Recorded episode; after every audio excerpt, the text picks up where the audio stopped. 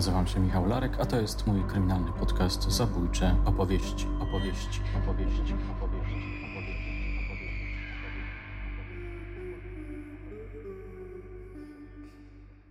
Naziści w Tybecie.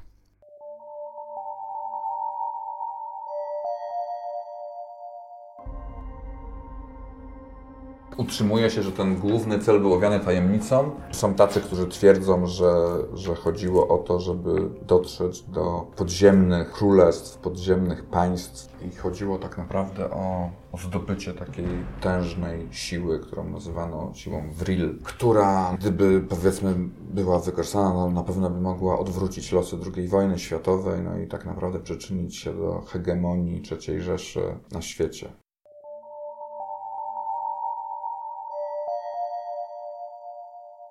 To Bogdan Głębocki, historyk, pisarz, prelegent, a wy słuchacie trzeciego odcinka rozmowy o związkach nazizmu z okultyzmem. Przypomnę, że pierwszy odcinek, Himmler i czarownice, w istotnym stopniu poświęcony był procesom czarownic, które badali naziści. Drugi odcinek stanowi opowieść o działalności grup okultystycznych, w tym grupy Tule. Pada tam też próba odpowiedzi na pytanie, czy Hitler był okultystą. Dzisiaj Bogdan Głębocki opowie o nazistowskiej organizacji badawczej, która pewnego razu wyruszyła do Tybetu z bardzo ważną misją. Szaloną, fantastyczną. Jaką? Moje drogie, moi drodzy, posłuchajcie.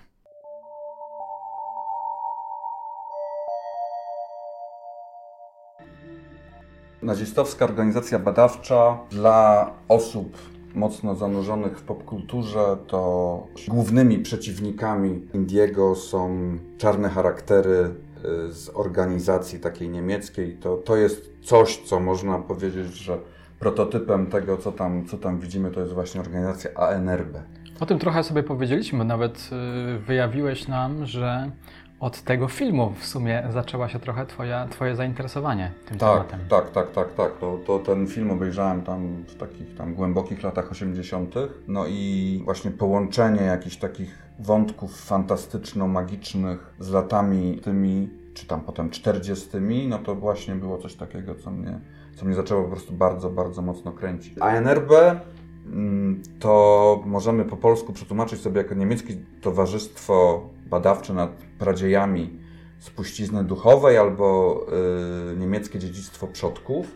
Organizacja. Ja może tylko y, takie jedno zdanko mhm. zaznaczenia, bo to ta nazwa, którą mamy tu w notatkach, ma takie mocne słowa: przodkowie, badawcze, pradzieje, mhm. duchowa. Tak, no to była zasadniczo właśnie bardzo mocno starano się nadać, nadać tej organizacji taki charakter naukowy. To się udawało lepiej lub gorzej. Chodziło o to, żeby wykazywać germańskie ślady w kulturach no, całego świata.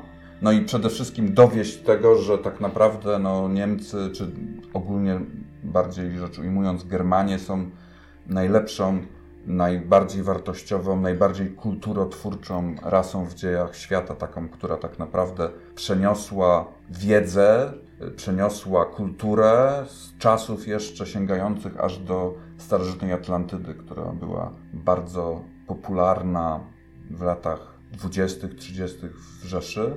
No i była uważana za właśnie takie, takie praźródło najlepszych elementów w kulturze kulturze europejskiej.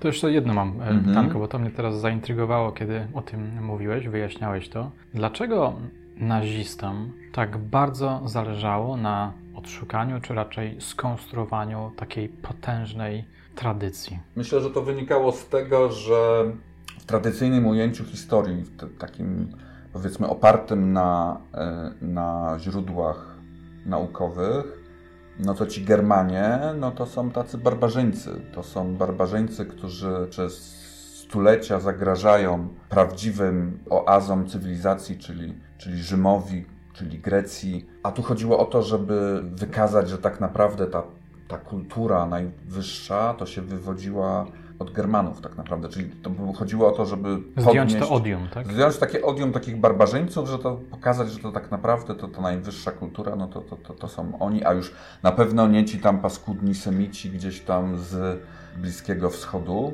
No bo przykładowo bardzo popularne w Niemczech teorie głosiły, że no rzeczywiście był, była taka postać jak Jezus Chrystus, no ale że on był oczywiście Germaninem. To on tam nie miał nic wspólnego, nic wspólnego z żadnymi y, gorszymi rasowo Semitami, Żydami.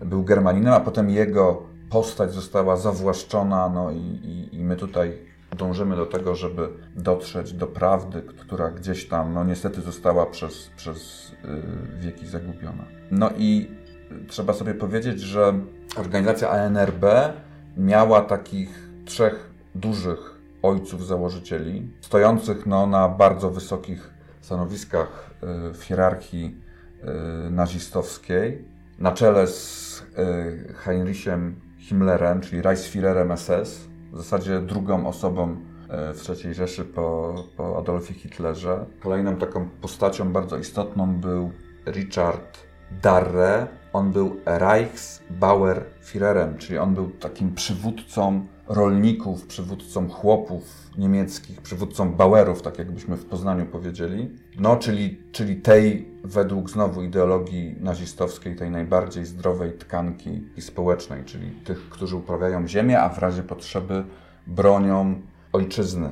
I to były dwie osoby, jeszcze do tego była jedna i ta osoba była już totalnie ciekawa. To był Karl Maria Willigut, którego chyba najlepiej scharakteryzujemy jako pacjenta szpitala psychiatrycznego. To no właśnie taki... dodaj, dodałeś w notatkach w nawiasie i to mnie zaintrygowało. Bardzo, bardzo ciekawa postać. E, pan, który no, był weteranem I wojny światowej. Z tej I wojny światowej wyszedł po prostu mocno poobijany.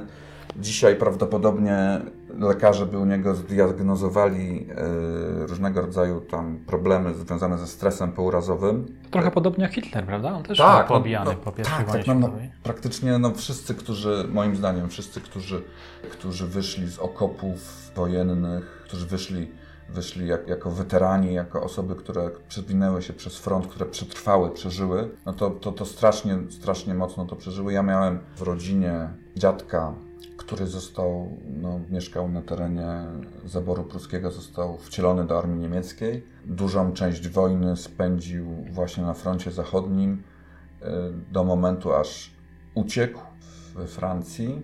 Przedarł się po prostu przez front tam z kolegami. Chciałem o czym innym mówić. On praktycznie e, nigdy, nigdy nic na ten temat nie opowiadał. Nie opowiadał. To, było, to, była taka, to był taki temat, o którym się po prostu nie mówiło wcale. To, co, to, co on tam przeżył, no myślę, znając trochę historię, myślę, że widział tam rzeczy po prostu straszne. A był no, takim dzieciakiem 17-18-letnim, jak, jak został wcielony do tej armii.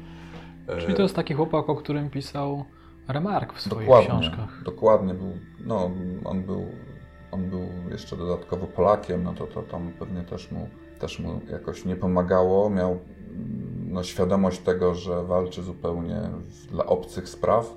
Natomiast no, tamte przeżycia, no, one, one wszyscy, zresztą po obu stronach frontu, oni chyba wyszli strasznie, strasznie pobijani.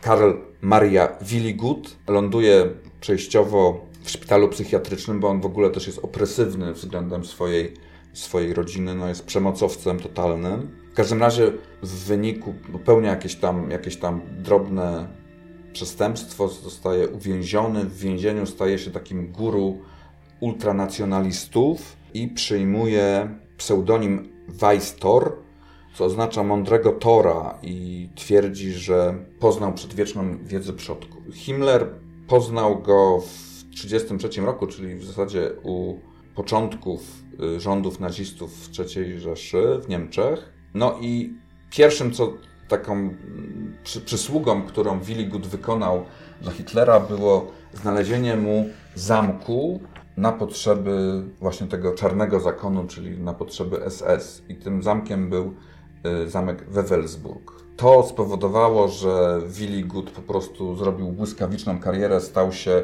stał się od razu y, tak zwanym Brigadführerem, czyli czymś, co byśmy w naszym, naszej nomenklaturze nazwali generałem brygady.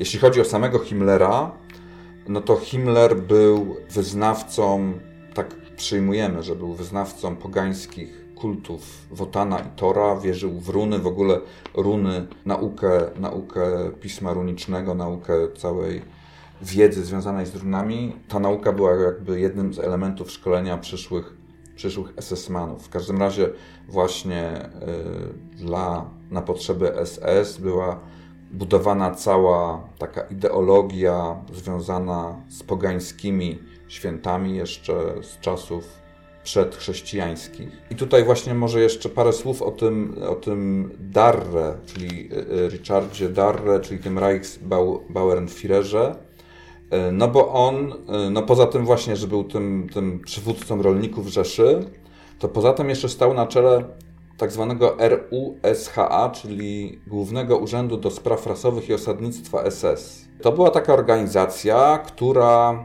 tak naprawdę miała wdrażać hodowlę rasy germańskiej, no i miała się zajmować też zdobywaniem tak zwanej przestrzeni życiowej, czyli Lebensraum na wschodzie, na wschodzie, czyli na terenach, które Niemcy zamierzali zająć siłą.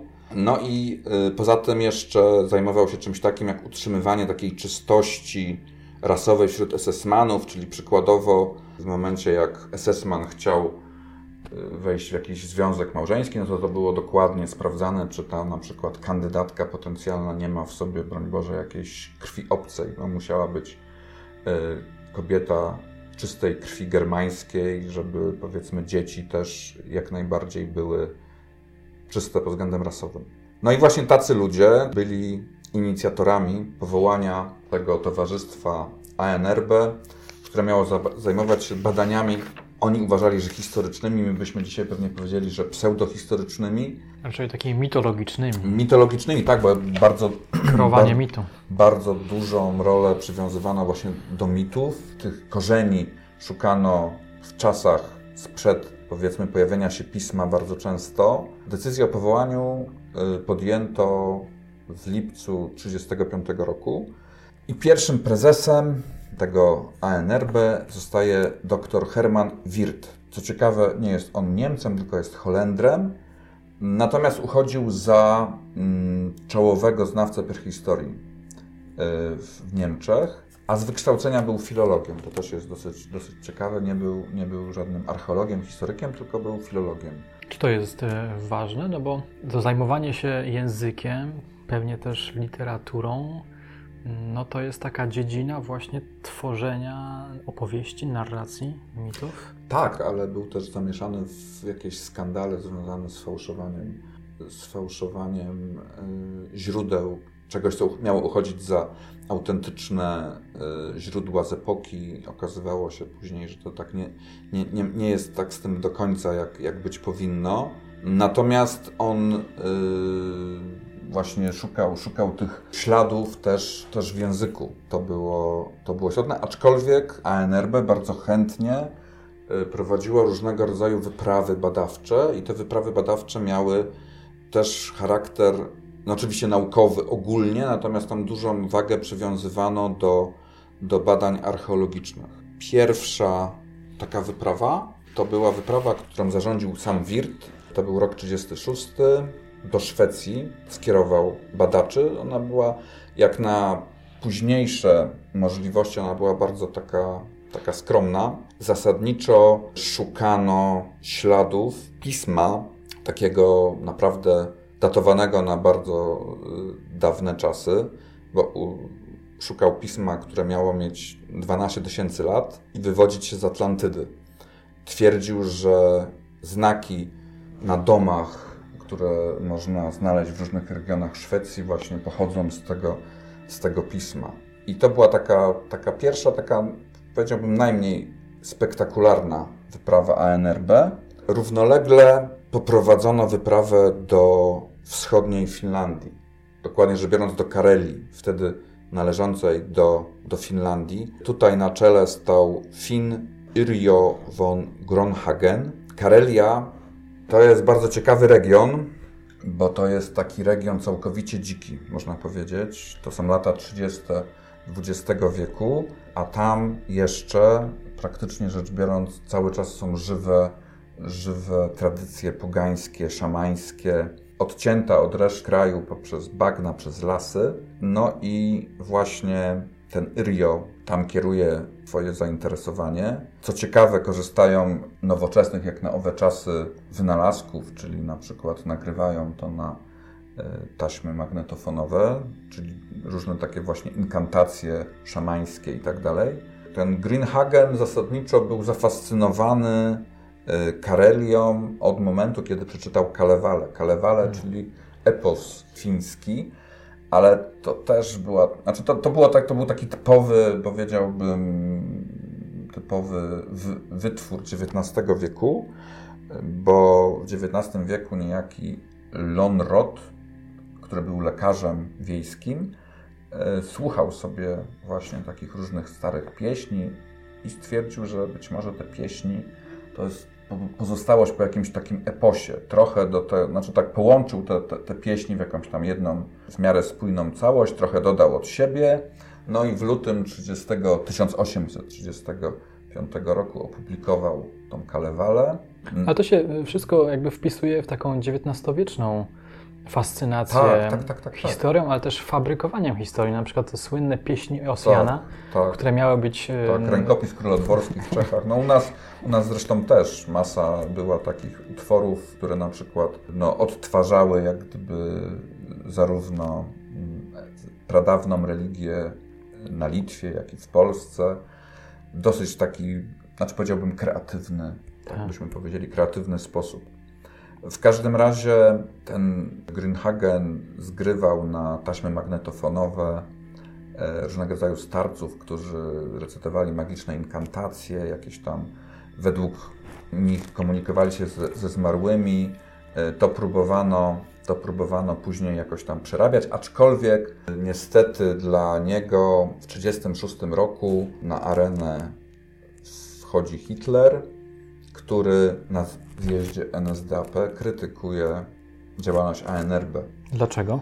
Y, dlatego, że pan Wirt y, wyszedł przed szereg i bardzo mocno y, zaatakował chrześcijaństwo. Hitler jako obrońca chrześcijaństwa? Może nie jako obrońca chrześcijaństwa, tylko Hitler jako ten, który chce, za, chce zaatakować chrześcijaństwo, ale w odpowiednim momencie. To jeszcze nie był ten moment. Zresztą istotą wszystkich totalitaryzmów jest to, że ten największy, najwyższy przywódca w różnych kwestiach nie, nie zajmuje takiego jednoznacznego, nie ma takiego jednoznacznego zdania, nie, nie zajmuje jednoznacznej pozycji i dla, dzięki temu on może lawirować, może na przykład jak ktoś zobaczy, że, że za bardzo się sytuacja rozwija na korzyść tych neopogan, a po, po, potencjalni chrześcijanie, szeroko rozumiani e, wśród zwolenników nazizmu mają z tym problem, no to można w, tak, w tym momencie takich, takich yy, przystopować, przystopować i, i, i jakby cały czas zachowując taką właśnie pozycję neutralną między tymi skrajnościami, dalej rządzić. Czyli znowu tutaj starorzymska zasada dzieli rządź się jak najbardziej, najbardziej sprawdza. No w każdym razie efekt był tego taki, że Wirt został odsunięty, e, został zdegradowany do stanowiska kierownika wydziału, dostał zakaz publikacji, dostał zakaz odczytów. Nowym kandydatem na, na przywódcę ANRB został dr Wal Walter Wist. To był rzeczywiście taki nauczony z prawdziwego zdarzenia. On był indologiem, czyli spe specjalistą od Indii i co więcej był dziekanem na Uniwersytecie Ludwika Maksymiliana w Monachium, czyli to już nie była jakaś tam taka postać szemrana, tylko taka jak najbardziej uznana w świecie naukowym. Od lutego 1937 to właśnie WIST staje na czele jako prezes ANRB całej organizacji i w tym momencie rozpoczyna się nowa era. Wcześniej to były takie, takie szemrane postacie, jeśli chodzi o naukowców, a teraz się pojawiają już tacy naukowcy z prawdziwego zdarzenia. Zaczynają się przygotowania do takiej najbardziej spektakularnej, największej podróży, największej wyprawy naukowej, która miała być w pewnym sensie spełnieniem takich młodzieńczych zainteresowań samego Himmlera była to wyprawa do Tybetu. Tybetu, wtedy niepodległego państwa położonego w Himalajach, królestwa, ale takiego teokratycznego, no, które było tak naprawdę zamknięte dla białych. Kierownictwo tej wyprawie, tej wyprawy powierzono młodemu uczonemu, który z wykształcenia był zoologiem, ale był też bardzo już takim doświadczonym podróżnikiem, to był Ernst Schaffer. Poza tym, że był zoologiem, to interesował się etnografią, botaniką, geologią i geografią. Był on też poprawny politycznie, ponieważ od 1933 roku był członkiem SS. No i rzeczywiście był znawcą orientalnych klimatów, gdyż w latach 30. wziął udział w dwóch takich wyprawach amerykańskich do Tybetu. Z tym, że to były takie wyprawy, które gdzieś tam się pojawiły na terytorium Tybetu, natomiast nie było mowy o tym, żeby dotrzeć do legendarnej i praktycznie niedostępnej w ogóle dla białych stolicy państwa, czyli do lasy.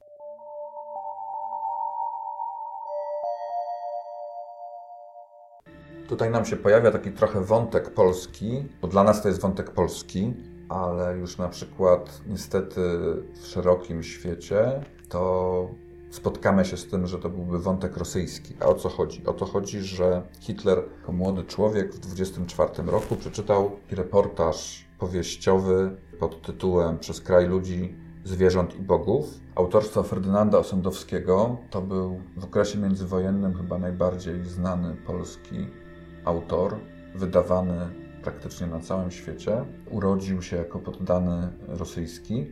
Osendow spotkał się z taką postacią jak Ungern von Sternberg. To był tak zwany krwawy baron, czasami nazwany białym krwawym baronem. Niemiec bałtycki, carski oficer, który na terenie Mongolii stworzył takie państwo dosyć takie no, paramilitarne mocno, no, o ostrzu antykomunistycznym oni się spotkali, znaczy Osądowski tam współpracował z tym, z tym e, Sternbergiem i usłyszał wiele ciekawych historii wschodnich o różnych takich tajemniczych rzeczach. Tam są one opisane w tej książce, reportażu przez kraj ludzi, zwierząt i bogów. Wspominany też jest często Tybet, bo Tybet był e, no, takim centrum świata buddyjskiego ten szefer, osoba, która jest wyznaczona na kierownika wyprawy, dobiera sobie współpracowników. No i tutaj mamy geologa Karla Winerta. To był najwybitniejszy, jeśli chodzi o dorobek naukowy, członek wyprawy. Był znanym geofizykiem, no i też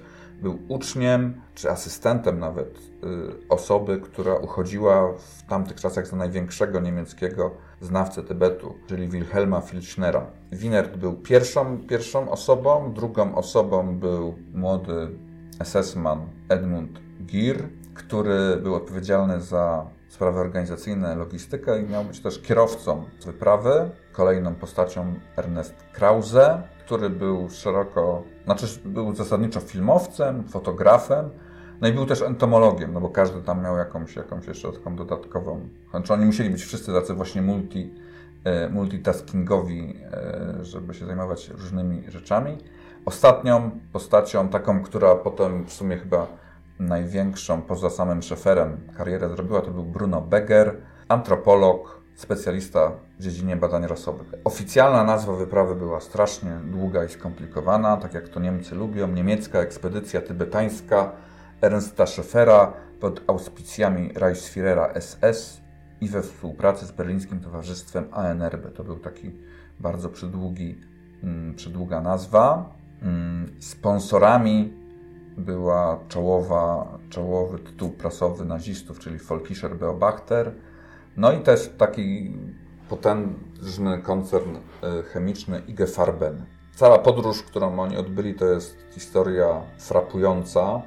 W skrócie można powiedzieć tak, że żeby dotrzeć do Tybetu trzeba było przejść przez teren Indii. No a Indie były trady tradycyjnym takim powiedzmy ter terenem pod władzą, pod protektoratem brytyjskim. Znaczy tam wpływy brytyjskie były bardzo, bardzo silne. No a relacje niemiecko-brytyjskie u schyłku lat 30. były już coraz gorsze. Historia tej wyprawy, która y, była odbywana częściowo koleją, częściowo statkami. To była w zasadzie historia tego, w jaki sposób Brytyjczycy mocno starali się przeszkodzić Niemcom, żeby do tej mm, do tego Tybetu dotarli. Prasa niemiecka też im nie pomagała. To znaczy? No to znaczy, że na przykład okazywały się w niemieckiej prasie informacje, że to jest oficjalna wyprawa SS, co już nie pomagało im w zupełności. Pokonując różne trudności stawiane przez Brytyjczyków, udało się wyprawie niemie niemieckiej dotrzeć do takiego himalajskiego królestwa Sikkim. Sikkim w latach 30. to jest e, teoretycznie państwo niepodległe. Leży między Tybetem, e, między Nepalem, przepraszam, no i Tybetem też, ale zasadniczo między Nepalem a, a Bhutanem, czyli osobnymi państwami leżącymi, leżącymi w Himalajach. Wtedy, tak jak mówię, Sikkim też było niepodległe y, i ci Niemcy tam dotarli do tego y, Sikkimu i tam czekają na to, żeby dostać pozwolenie na przebywanie w Tybecie. No bo żeby, powiedzmy, biały człowiek mógł dotrzeć do Tybetu, no musiał mieć oficjalne zezwolenie tybetańskiego rządu, no bo inaczej no to groziła mu po prostu śmierć. No i czekają, czekają, czekają. Brytyjczycy robią wszystko, żeby, żeby tego pozwolenia nie było. Natomiast w Sikkim była taka sytuacja, że tam wyższe warstwy pochodziły z Tybetu, no i te związki, e, powiedzmy, takiej arystokracji sykkimskiej z Tybetem były dosyć mocne. Niemcom udało się nawiązać dobre relacje z jakimś takim wysoko postawionym Sikkimczykiem pochodzenia tybetańskiego. Zrobili na nim bardzo dobre wrażenie, no i on im właśnie załatwił kontakt z rządzącym wtedy y, w Tybecie regentem. No i e, w grudniu 1938 roku przyszedł list z lasy, że Rada Ministrów Tybetańskich, czyli tak zwany Kaszak, zgadza się, żeby obcokrajowcy przybyli do stolicy państwa na dwa tygodnie. Początkowo to E, początkowo to właśnie były te dwa tygodnie. To było o tyle ewenementem, że wcześniej żaden Niemiec jeszcze w tej lasie się nogi swojej nie postawił, czyli to była zupełnie mm, rzecz nowa. Postawiono im dosyć ciężki warunek. No i tutaj znowu chodzi różnica między tymi latami 30. a, a, a tym, co, co, co, co no, rzeczywistością powiedzmy e, po prawie 90 latach E, naszą. Wszyscy Niemcy byli zapalonymi myśliwymi, no i cały czas sobie umilali, powiedzmy, tą swoją wyprawę, dokonując rzezi na e, zwierzątkach miejscowych. Natomiast w Tybecie, gdzie ten właśnie buddyzm był taki silny, miał takie no, silne wpływy, wydano im zgodę warunkowo na dotarcie do tej lasy, natomiast pod właśnie warunkiem takim, że absolutnie żadnego nie może być polowania, nie mogą zabić żadnego zwierzęcia. Zero zabijania. Tak, na terytorium Tybetu. A powiedz mi, jak liczna była ta eskapada? To chyba nie padło. No to byli ci, ci, ci, ci pięciu, pięciu facetów. A, nie? Myślałem, że jakaś większa nie, grupa. Znaczy, dobra, no do tego byli tam jacyś miejscowi tragarze i tak dalej, ale zasadniczo ten trzon to, to, to, byli, to było tych pięciu panów. Czyli taka kameralna to była wyprawa. Kameralna, natomiast no, jak na możliwości niemieckie, no to była duża, silna. Y, oni też no, nagrali potem masę materiałów filmowych z tego. Można te materiały znaleźć na YouTubie i nawet można obejrzeć sobie niemiecki przebój z czasów II wojny światowej, ale to o tym powiem szerzej za chwileczkę. U schyłku grudnia 1938 roku wyruszają z tego Sikkim do lasy. Docierają tam w sumie miesiąc później, 19 stycznia stają pod y, murami pałacu Potala. Tybetem rządzi regent, tak to można powiedzieć. Retin Rinpoche. Na początku lat 30. umiera 13 Dalaj Lama. W 1937 roku odnajdują chłopca, który jest Dalaj Lamą 14 i to jest ten sam, który, którego my znamy jako wiekowego, wiekowego pana. Wtedy jest, wtedy jest dzieciaczkiem. E, no i jeszcze oczywiście nie, nie może tym państwem zarządzać, więc całym Tybetem rządzi Retin Rinpoche. No i on znowu pozwala na filmowanie zabytków lasy, wydłuża im ten termin pobytu. Niemcy rozpoczynają różnego rodzaju badania. Głównie to są badania takie, że, że chcą dowieść jakichś takich germańskich tropów y, wśród Tybetańczyków, że tak naprawdę Tybetańczycy się wywodzą od Atlantów, no i mają tych samych przodków, tych samych przodków co Niemcy, co, co Germanie. Mm, są znaczy ten Bruno Beger prowadzi różnego rodzaju takie badania antropologiczne, próbują dowodzić, że są bardzo podobne zwyczaje, czyli na przykład jakieś tam e, drzewko światła, to to samo co choinka, e, rogi tybetańskie są prawie tym samym co trąby alpejskie. No i tańce są w zasadzie takie same, no i wszędzie tak naprawdę to jeszcze, jeszcze wszędzie, wszędzie są swastyki i święte znaki w tym Tybecie, więc to tak naprawdę to, to pokrewieństwo y, z Germanami jest mm, wszędzie widoczne. Jeszcze tam jest dosyć ciekawa historia z tym właśnie Retingiem Rinpoche, bo on był odpowiedzialny za odnalezienie tego Dalai Lamy XIV, chłopca wtedy. No i to się odbywa właśnie według wierzeń za pomocą czarów. Niemcy próbują filmować tego regenta. No i potem jak wywołują film, to się okazuje, że całe wszystko jest pięknie, ładnie widoczne, z wyjątkiem właśnie postaci, postaci Retinga Rinpoche, która jest rozmazana. Tłumaczenie takie, że święci mężowie emitują jakieś nieznane promieniowanie, które po prostu powoduje, że nie można ich dobrze nagrać nie można ich dobrze na, nakręcić na taśmę filmową. Oni wracają do Rzeszy, ta podróż to też jest znowu wielka, e, powiedzmy, unikanie kontaktu z Brytyjczykami. Na terenie III Rzeszy pojawiają się w sierpniu 1939 roku, czyli tu już jesteśmy w zasadzie tuż przed wybuchem II wojny światowej.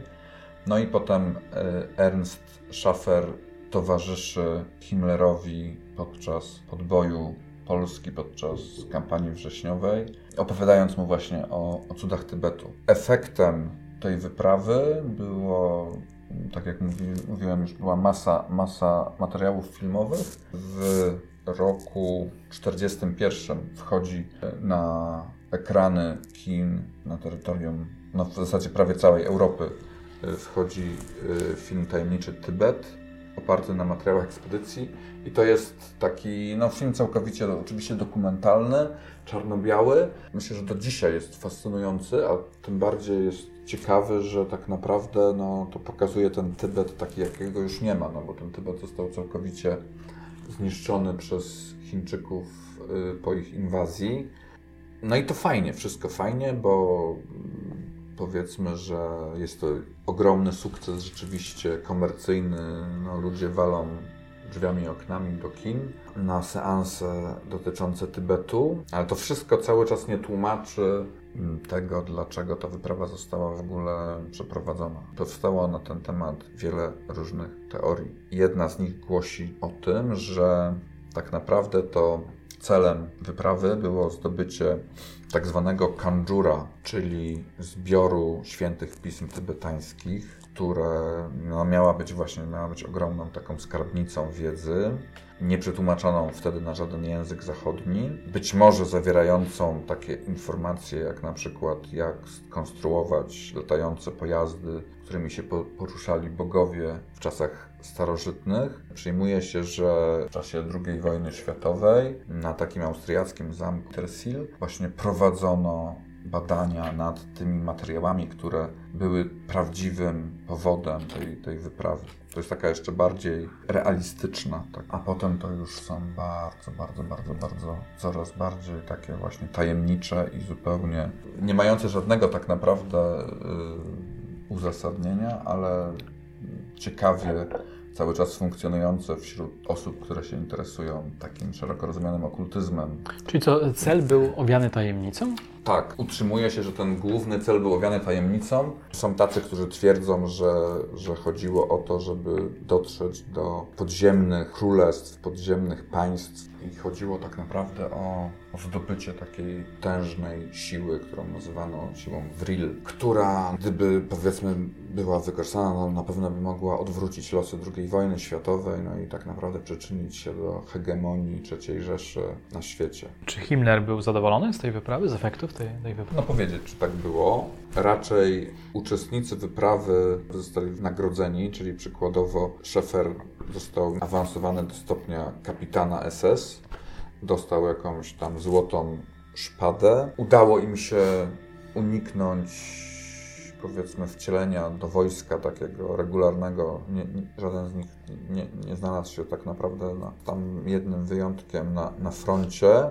Dalej im pozwolono prowadzić różnego rodzaju badania. No ale to tak naprawdę wchodzimy wraz z tym 1939 roku w taką zdecydowanie mroczniejszą stronę ANRB, no bo dotychczas, powiedzmy w tym okresie przed wybuchem II wojny światowej, no to jest taka, powiedzmy, banda ekscentryków w miarę nieszkodliwych, którzy tam jakieś tam sobie robią badania pseudonaukowe i, i nie ma to większego znaczenia. Natomiast w momencie wybuchu wojny ANRB wchodzi tak naprawdę w świat wielkiej polityki, tak można powiedzieć. I przykładowo na ziemiach polskich y, uczestniczy regular, w regularne, regularnej grabieży polskiego dziedzictwa narodowego, czyli po prostu grabieniu muzeów i to właśnie firmują ludzie związani, związani z ANRB. Taka komórka e, Petera Paulsena, naukowca z Uniwersytetu Berlińskiego, która prowadzi po prostu regularną grabież y, polskich muzeów, poczynając od Muzeum Wojska Polskiego przez Muzeum Historii Naturalnej, no zbiory różnych uczelni, to wszystko ANRB niestety uczestniczy w tym. Natomiast to i tak jest jeszcze, to nie jest to najgorsze, bo najgorszym, w czym ANRB uczestniczy, to są różnego rodzaju eksperymenty pseudomedyczne, które są y, prowadzone na więźniach obozów koncentracyjnych. I tutaj jeden e, uczestniczy też, też w nich jeden z uczestników e, wyprawy tybetańskiej, czyli ten Bruno Becker. Chodzi na przykład o to, żeby stwierdzić, czy, znaczy jak na przykład jaka jest wytrzymałość organizmu na ekstremalny chłód bądź upał. Prowadzą badania takie, czy na przykład można kogoś ożywić, czy można go najpierw zabić, a potem go ożywić. Naprawdę takie badania prowadzono? Naprawdę takie badania prowadzono. I co im wyszło? Można ożywić? No raczej nie. Ale mm, ileś tam osób poniosło śmierć w bardzo okrutny sposób w wyniku, żeby to dojść do, dojść do czegoś takiego, więc no ANRB ma taką bardzo mocno mroczną stronę w, w czasie II wojny światowej i tak naprawdę no to później zostaje uznane za organizację zbrodniczą przez Trybunał, Międzynarodowy Trybunał Wojskowy w Norymberdze. Członkowie wyprawy tybetańskiej y, mają więcej szczęścia, bo tam no, czołowi przywódcy ANRB zostają skazani na śmierć za zbrodnie przeciw ludzkości. Natomiast uczestnicy wyprawy tybetańskiej w zasadzie nie mają większych problemów. Spędzają jakiś tam krótki czas w niewoli, y, dostają certyfikat, tak zwany certyfikat oczyszczenia. Winert Krause robią kariery akademickie. Dużo się działo wokół Bruno Begera, no bo on też tam trafia do niewoli we Włoszech, dostaje też certyfikat oczyszczenia. W 1948 roku wraca do Niemiec. Początkowo wszystko jest fajnie. Natomiast w 1961 roku jest wezwany do Jerozolimy na proces Eichmana. Później w 1971 roku we Frankfurcie odbywa się tak zwany mały proces oświęcimski. Zostaje Beger skazany na 3 lata więzienia, ale nawet nie odsiedział całej kary. I zmarł sobie w 2009 roku w wieku 98 lat. To znaczy został zwolniony, tak? Tak, tak, tak, tak, tak, tak. To tam, tam. Natomiast co ciekawe, y, zaczął mocno działać na rzecz niepodległego Tybetu w Niemczech i współpracował w tym, y, współpracował z tym z alpinistą Harerem. To jest ten pan, którego wspomnienia były kanwą filmu 7 lat w Tybecie, bo to była, mhm. to była inna wyprawa właśnie razem z tym Harerem działali na rzecz niepodległego Tybetu. Szefer zmarł też grubo po wojnie, to był 1992 rok. Do końca życia pracował w Muzeum Państwowym w Hanowerze, a w latach 50. jeszcze nakręcił jeden film o gorylach w Kongo. I tak właśnie jego kariera się skończyła naukowa. Czyli... To bardzo optymistyczny koniec, pozytywny koniec. Tak, oni są, znaczy żaden z nich nie poniósł większej kary, tam tak naprawdę tylko i wyłącznie jakby te najwyższe, najwyższe kręgi ANRB jakoś tam ci ludzie, ludzie zostali ukarani, a tak poza tym to, to się wszystko rozmyło, no ale to dużo gorsi zbrodniarze tak naprawdę też dożywali w spokoju swoich dni, chyba że mieli takiego pecha, że zostali gdzieś tam złapani przez na przykład w Polsce, czy, czy tam to już wtedy, już było to wtedy gorzej, ale w Niemczech sobie spokojnie sobie żyli do końca. –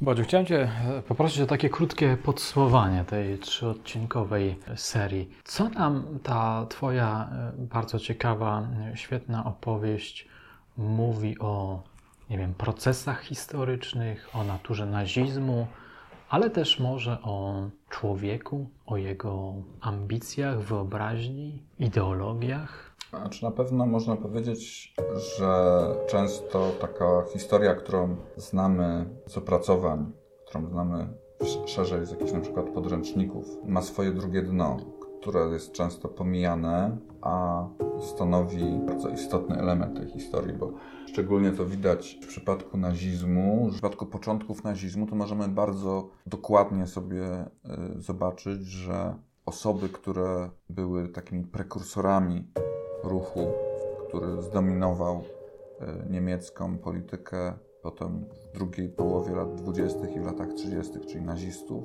no to w początkowym okresie, no to to, co ich głównie łączyło, to było właśnie zainteresowanie szeroko rozumianym okultyzmem. Plus do tego oczywiście niechęć, nienawiść wręcz do porządku po wersalskiego, tego, który został Niemcom narzucony w wyniku, w wyniku przegranej przez nich wojny. Oni chcieli, żeby ten świat, który powstał po zakończeniu działań wojennych, został przewrócony, no i to mi się udało, to mi się udało w 1939 roku. Czyli chodzi mi o to, że y, mamy w miarę dobrze rozpracowane takie, takie podstawy gospodarcze, społeczne powstania nazizmu i funkcjonowania tego nazizmu później jeszcze przed wojną i w czasie wojny. Natomiast ten wątek właśnie taki okultystyczny jest istotnym elementem do tego, żeby zrozumieć światopogląd tych ludzi, tym bardziej, że, że to dotyczyło zarówno tych, tych, którzy byli tam na górze, jak i przeciętnych Niemców, bo mówiliśmy o tym, że wiara w takie właśnie różne nadprzyrodzone zjawiska była czymś powszechnym, czy w całej Europie, natomiast Niemcy stanowili taką chyba najbardziej, najsilniejszą, najsilniejszą wyspę najsilniejszy taki, taki bastion właśnie tego okultyzmu. I to jest, dla mnie to jest po prostu kolejny taki krok, żeby lepiej zrozumieć motywacje, które, które tymi ludźmi rządziły, pewnych rzeczy, pewne rzeczy inaczej jest bardzo trudno wyjaśnić, a rekonstruując jak gdyby ich system wierzeń, światopogląd, właśnie zawierający te takie, takie nadprzyrodzone elementy, no to, to pewne rzeczy możemy łatwiej zrozumieć. Ja to traktuję, no bo no jestem historykiem tutaj, wychodzi to w różnych momentach e, w moim sposobie myślenia. To jest kolejny taki element w odtwarzaniu realiów tamtych czasów. No i rzeczywiście trzeba powiedzieć, że ten, ta wiara w jakieś takie, takie zjawiska nadprzyrodzone, w jakieś nawiązywanie do, do tak zapomnianych różnych elementów kultury, tego co uznawano przez długi czas za zabobon, no była w Niemczech powszechna i ona w którymś momencie no, bardzo pomogła nazistom w zdobywaniu władzy nad społeczeństwem, Aczkolwiek później też to było dosyć. Znaczy, to nie było tak, że, że ci okultyści byli cały czas jak gdyby na świeczniku i, i byli uznawani przez y, nazistów. Były takie momenty, że, że powiedzmy zostali jakby odsunięci Niektórzy mówią o prześladowaniach, no ale, ale znając realia gdyby III Rzeszy, no to te prześladowania miały taki charakter bardzo delikatny, jak na, jak na możliwości hitlerowców. Według Ciebie, gdyby nie okultyzm, nazizm osiągnąłby taki sukces, jaki osiągnął? Myślę, że na pewnym etapie na pewno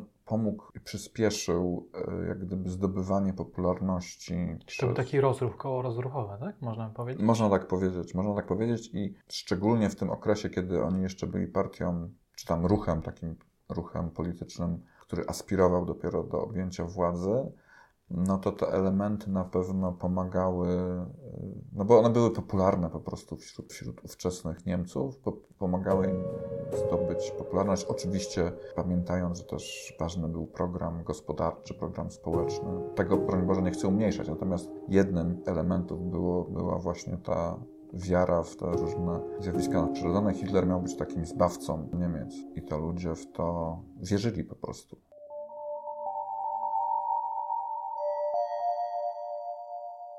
Po nagraniu tych rozmów ponownie uzmysłowiłem sobie, jak niebezpieczną bronią w rękach polityków mogą być mity, opowieści, metafory. Fakt, że naziści wierzyli w tak niestworzone rzeczy i tę swoją wiarę zdołali wykorzystać podczas realizacji zbrodniczych planów napawa przerażeniem. Warto pamiętać i cały czas analizować ten case. Żyjemy dzisiaj w niespokojnych czasach, a w niespokojnych czasach ludzie są podatni na fantastyczne i dające nadzieję opowieści. Bogdan Głębocki wskazywał na charakterystyczne elementy opowieści totalitarnej. Polecam te momenty waszej uwadze. Moje drogie, Moi drodzy, na dzisiaj to wszystko. Dziękuję za uwagę i zachęcam do komentowania, a także czytania naszych książek. Do usłyszenia już niebawem.